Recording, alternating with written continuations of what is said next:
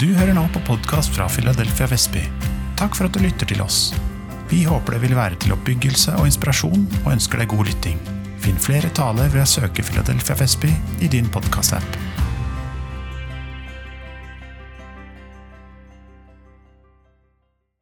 Og tenkte jeg kunne prate om, eh, om eh, litt eh, det med Guds kjærlighet. Jeg tenkte jeg skulle snakke om Guds kjærlighet i dag. Ehm, og overskriften min i dag er Den er for hentet fra Bibelen selv. Det er fra 1. Johannes 4, 19, der det står Vi elsker fordi Han elsket oss først. Ehm, vi elsker fordi Han elsket oss først.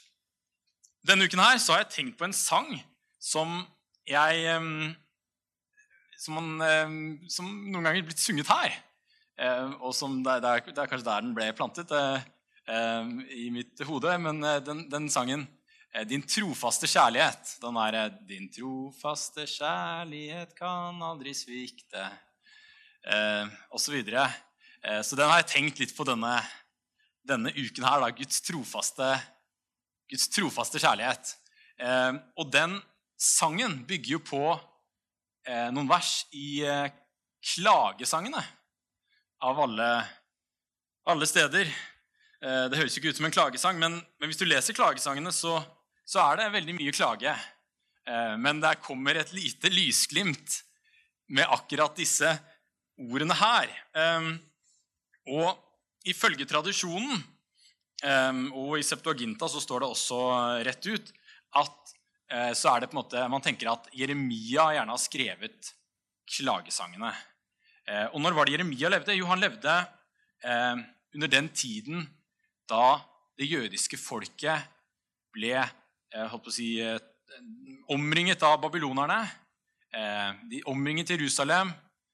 Og etter at de på en måte har beleiret byen, de har tatt alle andre byer, så har de kommet helt til Jerusalem, muren er rundt der, og etter flere års beleiring så, så, så trenger de inn, eh, og så tar de eh, si, de, de, tar folk til fange. Og de sender dem, aller fleste av dem i eksil til Babylon. De tar folket til fange. De brenner ned tempelet som Salomo bygde. De tar alle, alle gullkar, alle bronsekar, alle sølvting og tang i tempelet tar de med til Babylon. Og Jeremia, profeten, han er jo han er, måte, han er, han er profet i, i, i, Jerusalem mens dette her skjer. Han, eh, han, ser det, eh, og det kommer heller ikke som noen overraskelse. Dette er jo en konsekvens av at, av at, eh, at jødene ikke har holdt på å si, De holder ikke fast ved pakten. De bryter Guds lov. De har, de har ikke fulgt Gud. Gud har jo gitt dem landet. Gud hadde gitt dem Israel. Men israelsfolket sto ikke i pakten. Og, og, og, når eh, profeter, den ene profeten etter den andre forteller dem at de må vende om, men eh, de gjør jo ikke det, og så til slutt så går det på en måte som det, det måtte gå, sånn som profetene sa, og profeten Jeremia selv sa. Det er bare å overgi, dere til babylonerne. Det var det han sier. Og så kommer jo den her fryktelige De tar Babylon, de ødelegger alt sammen. Og så, og så leser vi klagesangen, som er egentlig en stor klage over den sørgelige tilstanden til Jerusalem.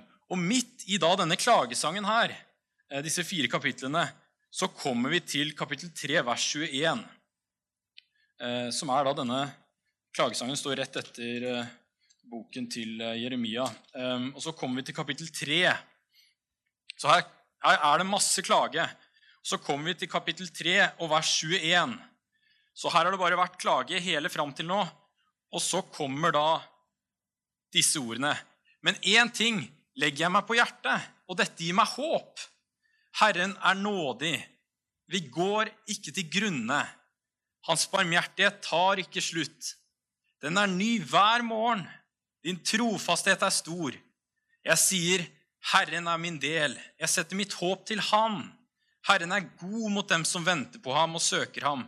Det er godt å være stille og vente på hjelp fra Herren. Det er ikke noe herlig ord som her kommer midt i klagesangen. For det finnes håp, så midt i klagen så synger Jeremia om håp. Det er fortsatt håp. Det er fremdeles håp, for Gud er trofast og barmhjertig. det finnes håp. Eh, og vi ser også håp hos Jeremia. Eh, Jeremia avslutter jo akkurat på samme måte som andre kongebok. Der forteller de akkurat samme historien. Eh, og det, som, det, aller siste som skjer der, er at etter at babylonerne og Nebukadnesar har tatt folket,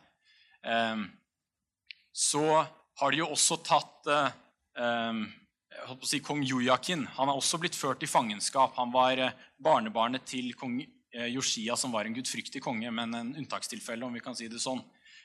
Og, og så kommer vi et ganske langt stykke på vei i si, under denne tiden der folket, det jødiske folket er ført eh, i eksil eh, til Babylon, så står det det at den nye eh, kongen i Babel eh, benådet kong Joakin.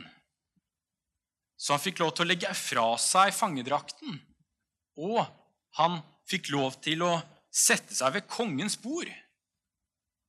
Så han ble benådet. Eh, og kong Joakin var jo av Davids ett. Eh, og Gud hadde lovet kong David, en mann etter hans hjerte, at han skulle få eh, At han, en av hans etterkommere skulle ha et, et konge, en kongetrone til evig tid. Så her ser man jo da på slutten av Jeremia og i slutten av andre kongebok, så selv om måte, alt er dystert, alt, de, de, har blitt ført eh, i, i, i, eksil til Babylon, så ser man likevel håp. For Gud er trofast mot David og det løftet han ga til han. Eh, men det er enda mer håp enn som så.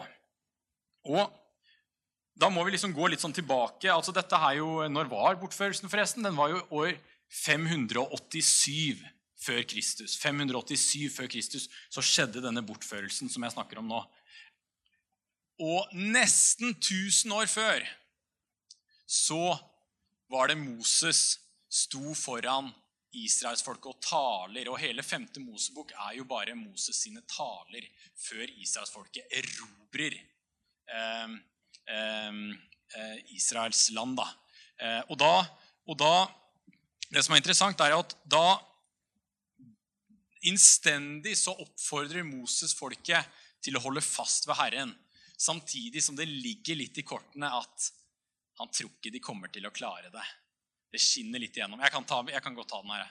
Um, så det skinner litt igjennom at det kommer ikke til de kommer, Det kommer til å gå gærent når de bryter pakten. Og ikke sånn. Og det ser man liksom hele veien.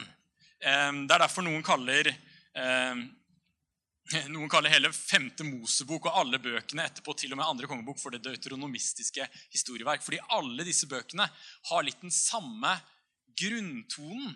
At Gud har gitt landet, men det betinger lydighet. Og det ligger en forventning om at dere kommer ikke til å klare det. Så det som skjer når denne tragedien skjer i andre kongebok, så er det ingen som er overrasket. Israelfolket er jo som en berg-og-dal-bane. Det ene øyeblikket holder de fast veien, så faller de fra. Det går opp og ned.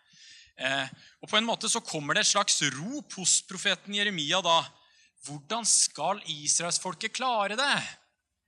Det ser så håpløst ut. Er du med? De, de, de, faller jo fra hele tiden, på tross av at Gud har gitt dem landet og har gitt dem loven.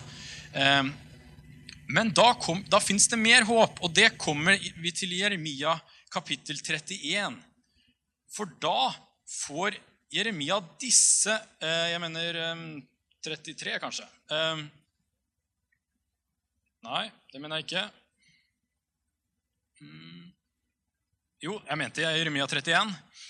Jeremia faktisk 31, 31, eh, så får Jeremia disse ordene at se dager skal komme, sier Herren, da jeg slutter en ny pakt med Israels hus og Judas hus. Ikke som den pakten jeg sluttet med fedrene deres, den dagen jeg tok dem i hånden og førte dem ut av Egypt. Den pakten brøt de, enda jeg var deres herre, sier Herren. Men dette er pakten jeg vil slutte med Israels hus i dager som kommer, sier Herren. Jeg legger min lov i deres sinn og skriver den i deres hjerter. Jeg skal være deres Gud, og de skal være mitt folk. Da skal ingen lenger undervise sin neste og sin bror og si, 'Kjenn Herren', for de skal alle kjenne meg, både små og store, sier Herren, for jeg vil tilgi skylden deres og ikke lenger huske synden.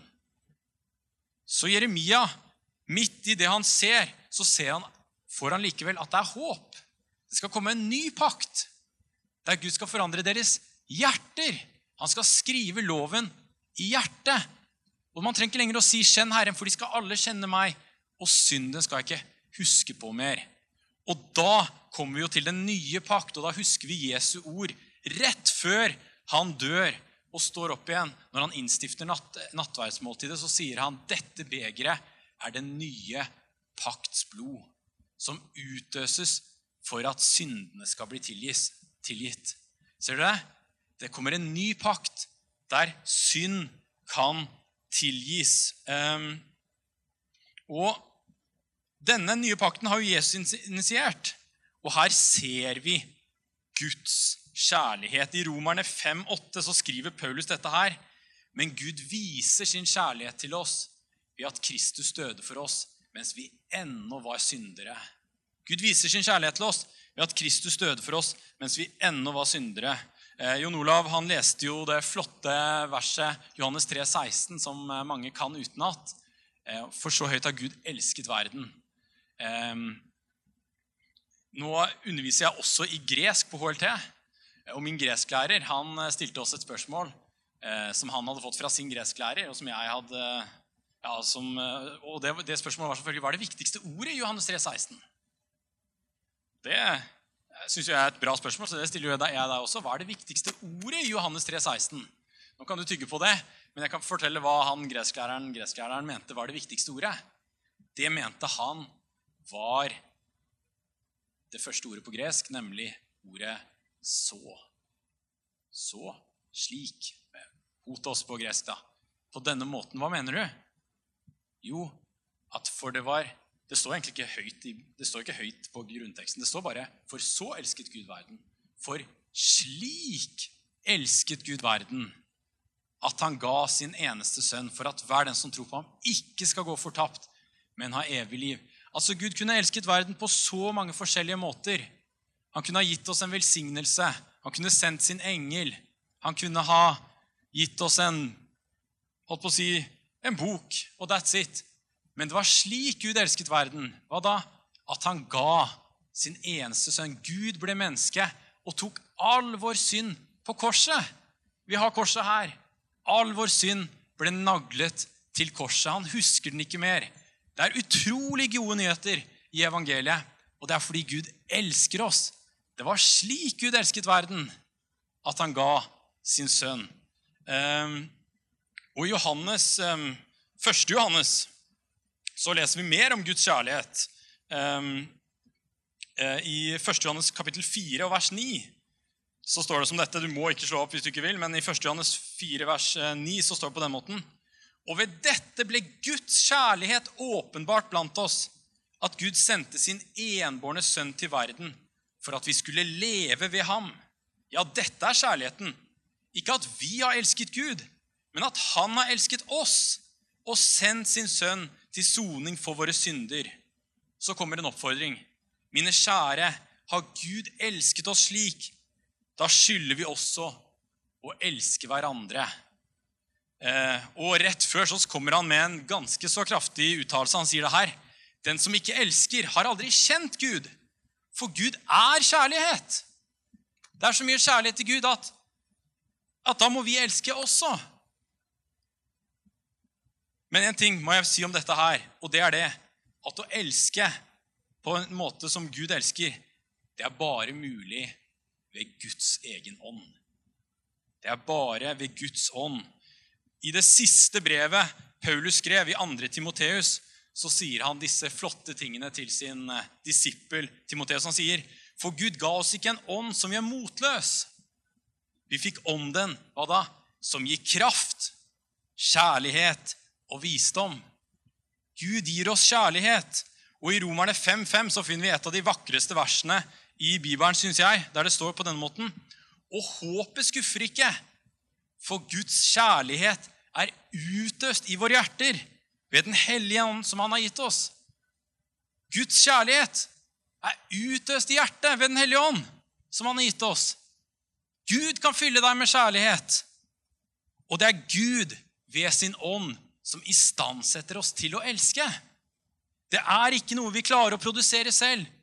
Vi klarer ikke å produsere det selv. Og akkurat som at godeste Jeremia profeterte om en ny tid og en ny pakt, så kommer Esekiel med en bemerkelsesverdig lignende profeti. Der han snakker om loven i hjertet, men på en annen måte. Um, Esekiel, som levde under eksiltiden, profeterte om det samme. Han sier det her i Esekiel 36 og vers 26. Han sier det her.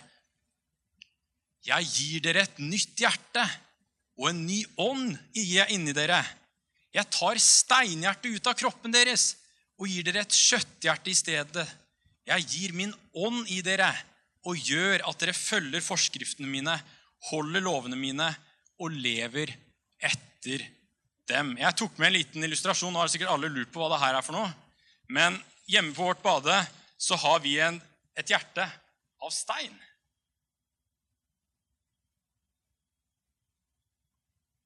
Og det er et menneskets hjerte i sin naturlige tilstand etter Adam. Hjertet er hardt. Hjertet er hardt overfor Gud. Men Esekiel profeterer det her. Jeg tar dette steinhjertet ut, og jeg gir dere et hjerte av kjøtt. Et hjerte som er mykt. Han forandrer våre hjerter. Um, og jeg tenkte at det vi trenger, det er en hjertetransplantasjon. Det er det vi mennesker trenger.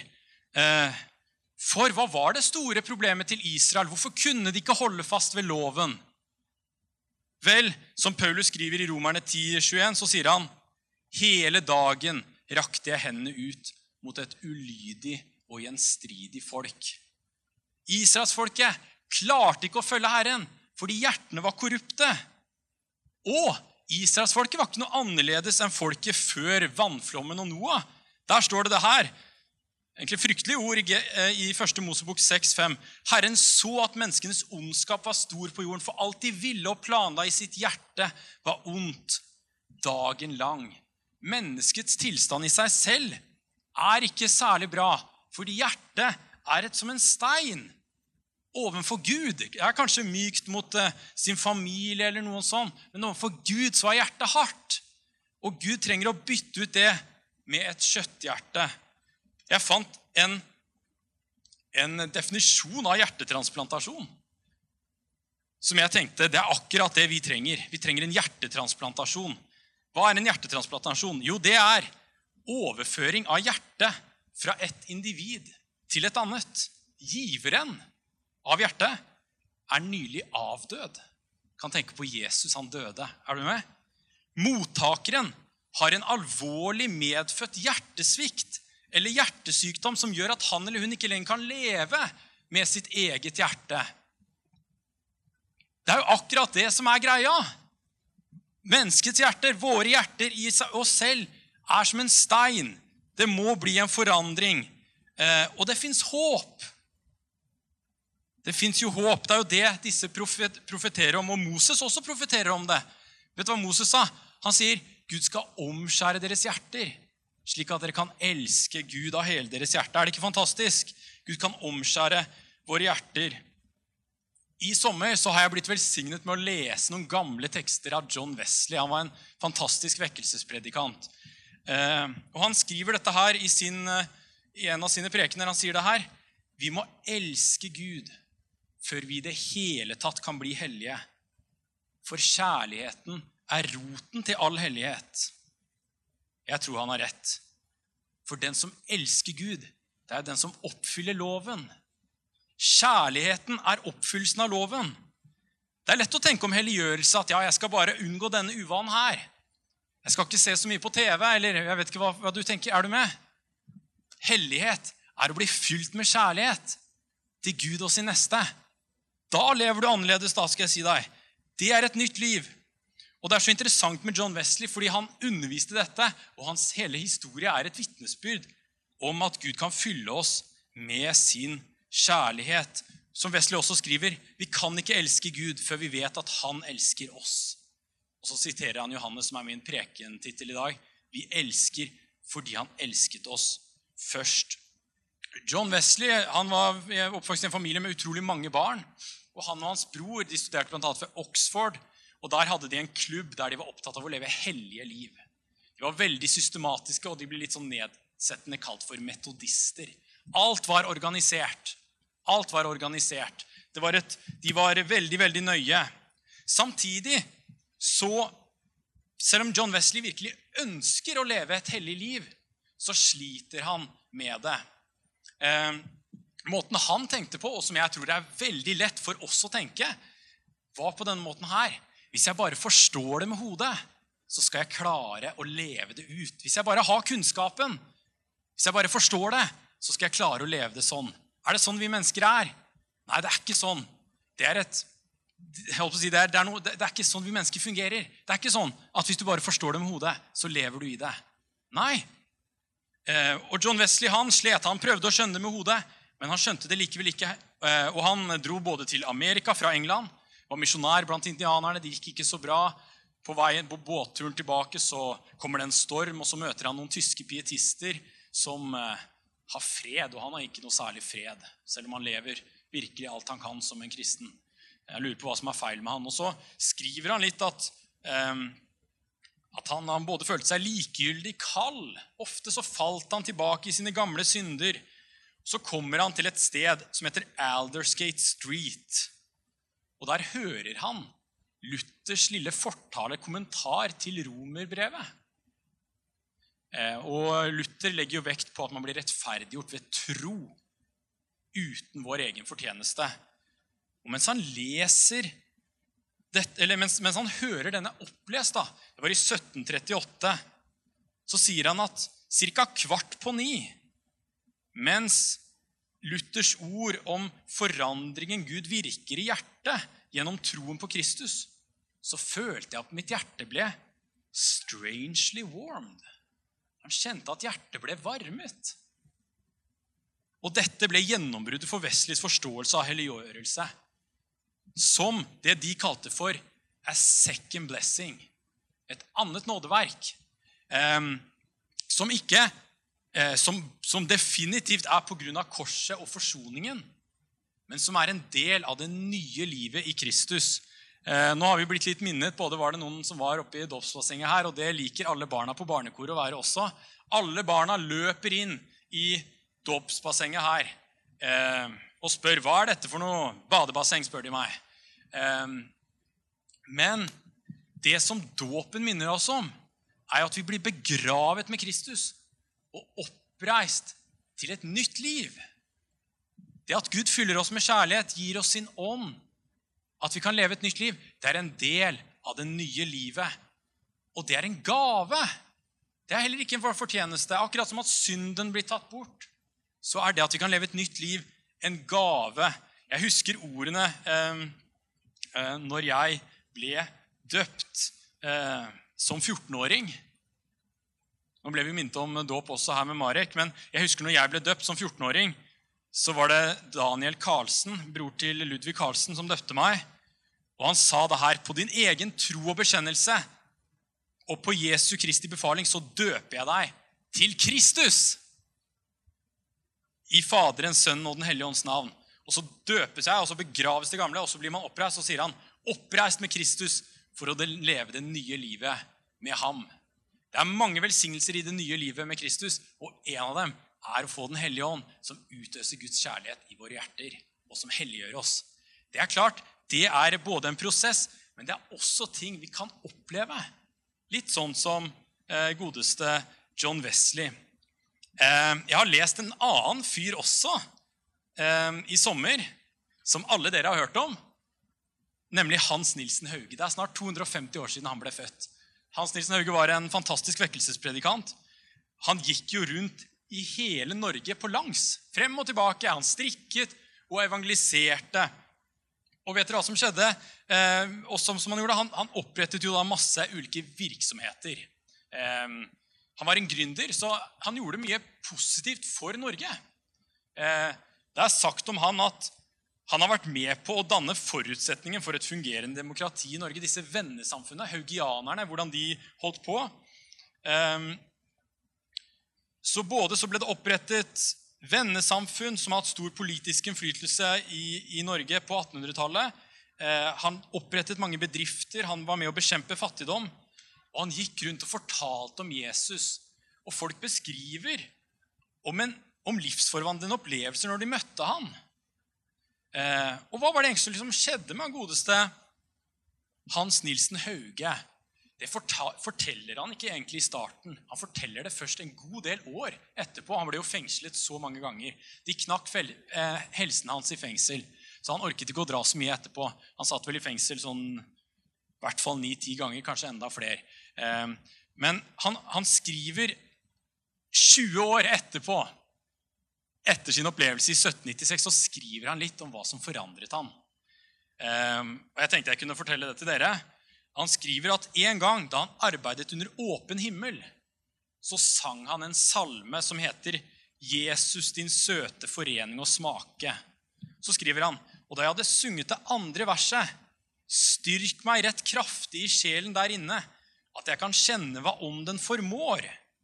Ta meg til fange, mitt, mitt tale og sinne. Led meg og lokk meg så svak som jeg går. Meg og hva mitt jeg er, jeg gjerne vil miste, når du alene i sjelen kan bo. Og seg omsider på døren må liste hva som forstyrrer min inderlige ro. Og når han sang denne salmen ute på gårdene eh, rundt Fredrikstad, så blir han virkelig oppløftet. Han fikk en sånn Paulus-opplevelse. Han blir rykket opp. og Eh, og, og der, der, der måte, det, det, han klarer ikke å beskrive disse ordene, eller med ord hva, hva, han opplevde. Han ble virkelig, han virkelig opplevde noe himmelsk. Um, og, og, når han kom tilbake til seg selv, så angret han over at han ikke hadde tjent Gud mer helhjertet. Og så skriver han dette her, da. Det er nå gått 20 år siden Guds kjærlighet på en så overnaturlig måte møtte meg. Ingen kan frarøve meg dette, for det kjennes i min ånd og jeg vet om alt det gode som fulgte fra denne stund. Er det ikke herlig? Opp, Guds kjærlighet ble manifestert på ham en, på en helt spesiell måte. Så sier han dette her. Jeg vet om alt det gode som fulgte meg fra denne stund, især den inderlige og brennende kjærligheten til Gud og min neste. Jeg fikk et helt forandret sinn, en sorg over alle synder, et begjær om at mennesket måtte bli delaktig med meg i den samme nåde. Jeg fikk en sterk trang til å lese i Den hellige skrift, særlig Jesu egne ord. Jeg fikk nytt lys til å forstå og sammenbinde alle Guds menns lærdommer på det ene mål. Kristus er kommet for vår frelse. Han skriver også senere at han ble så hjerteglad som følge av dette her. Er det ikke herlig? Det kan minne oss om hva vi har i Kristus. Jeg tenkte på det Jeg var eh, på bønnemøte på mandag. Så satt vi alle der i ring, og vi ba til Gud. Så tenkte jeg Er det ikke herlig at Gud ikke har noen favoritter? Eller alle er Guds favoritter. Alle sitter vi der og har denne sterke relasjonen til Gud. Eh, man kan tenke på sine barn. ikke sant? Jeg har to barn. De er veldig forskjellige. Eline og Vivian. Men jeg elsker jo begge to, og jeg kan ha en relasjon med begge to. Eh, I Lukas 11 så, så, sier Jesus dette her at hvis dere som er onde, vet å gi barn gode gaver Hvor mye mer skal ikke da Gud, som er en god far, gi sin hellige ånd til den som ber, oss, eh, til den som ber ham? Og Den hellige ånd, han er ikke motløshet sånn. Han er kraft, kjærlighet og sindighetsånd. Han kan både utruste oss med kraft, men han kan også, det er mitt fokus i dag, fylle oss og gi oss Guds egen kjærlighet. Og det tror jeg vi trenger, og det tror jeg verden trenger. Verden er så opptatt av kjærlighet, men de misforstår den. De kjenner ikke Guds kjærlighet, som stikker dypere, og som er så fantastisk, og som forandrer våre liv. Og denne kjærligheten, det er noe vi kan ta med oss. ikke sant? Vi skal ikke bare komme rundt med kunnskap. For når vi har masse kunnskap, men ingen kjærlighet, så gagner ingenting. Vi skal ikke bare ha nådegaver. Vi skal ikke bare be for syke. Vi skal også gjøre det i kjærlighet. Det er en utrolig kraft i kjærligheten. Og, og jeg tenker at det er det akkurat det verden lengter etter. Det er akkurat det verden trenger. De trenger Guds eh, kjærlighet. Um, og hva betyr det egentlig at Gud fyller oss med kjærlighet? Jo, det betyr at vi elsker Gud, og vi elsker vår neste. Betyr det at dermed alt, jeg holdt på å si, alt blir bra? Vi møter ingen motstand lenger og ingen bekymringer og, og, ingen eh, fristelser. Nei, det betyr det ikke. Jeg tenkte på det Paulus skriver i Galaterne 5. Der sier han deres søsken er kalt til frihet. La bare ikke friheten bli et påskudd for det som kjøtt og blod vil, men tjen hverandre i kjærlighet. I Guds kjærlighet, den som utøst i våre hjerter, det som er en del av det nye livet. Og jeg tenker bare Gud kan ta bort vårt steinhjerte og gi oss et hjerte av kjøtt. Eh, David var jo en mann etter Guds hjerte, kong David. Så faller han i synd med Batseba og dreper Uria, mannen hennes. Det er jo helt grusomt. Så kommer vi til Salme 51, der det er en hjertelig bønn om tilgivelse. Der han virkelig ber Gud om tilgivelse. Og én ting han ber der, der sier han det her. Gud, skap i meg et rent hjerte. Gi meg en ny og stødig ånd. Og det tror jeg vi også trenger å be iblant. Eh, og jeg har tenkt litt på det her. Menigheten i Efesus i Johannes' åpenbaring. Så leser vi om en menighet som hadde mange gode gjerninger. De hadde så mye å skryte av. Men, sier Herren, én ting hadde han imot dem. Du har forlatt din første kjærlighet. Tenk på hvor du sto før du falt. Vend om og gjør de gjerningene du gjorde før. I Hebreerne 3,12 så står det La ikke hjertet bli forherdet. Se til at ingen får et ondt og vantro hjerte. Hva er et vantro hjerte? Det er et hjerte som ikke vil tro.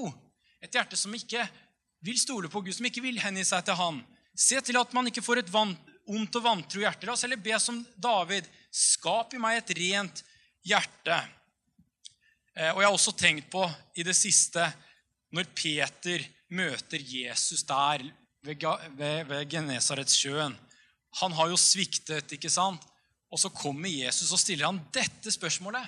Peter, elsker du meg? Og Peter klarer ikke å si det. Han sier, 'Du vet jeg har deg kjær.' Ikke sant? Er det en liten rest av kjærlighet til Gud i ditt hjerte? Og vet du hva jeg tenker? Gud ved Den hellige ånd kan fylle våre hjerter med Guds kjærlighet. Han kan utøse Guds kjærlighet i våre hjerter ved Den hellige ånd. Og jeg tenker vi er kalt til å leve et nytt, forvandlet liv. Det er en del av det nye livet i Kristus, og det er helt fantastisk. Eh, det ble lest forrige søndag, og det tenker jeg er kanskje noe av det siste jeg har lyst til å lese. Eh, I, i eh, Johannes 7, 37, der Jesus sier, 'Den som tørster, skal komme til meg og drikke.' 'Den som tror på meg, fra hans indre skal det som Skriften sier, renne elver av levende vann. Dette sa han om den ånden de som trodde på ham, skulle få. Er det ikke herlig? Jeg tenkte vi kunne ta litt lovsang, og eh, du kan godt komme fram. Og det vi skal gjøre, det er at vi kan takke Gud. Vi kan takke Han, vi kan ta imot. Eh, kanskje, jeg vet ikke, du har vært her, og du kjemper, du står på, du ønsker å leve på en måte du kan være som Wesley, som kjemper. Kanskje det blir i din egen kraft, og du tror at du virkelig må forstå noe for å evne det. Men det du trenger, det er bare at ånden fyller deg med kjærlighet. Og det skjer når vi venner oss til Han, og når vi tar imot. Du nysgjerrig på Jesus og lurer på å bli med i en menighet, men vet ikke hvor du skal begynne? Da er du hjertelig velkommen hos oss i et varmt og inkluderende fellesskap. Se filadelfiavestby.no.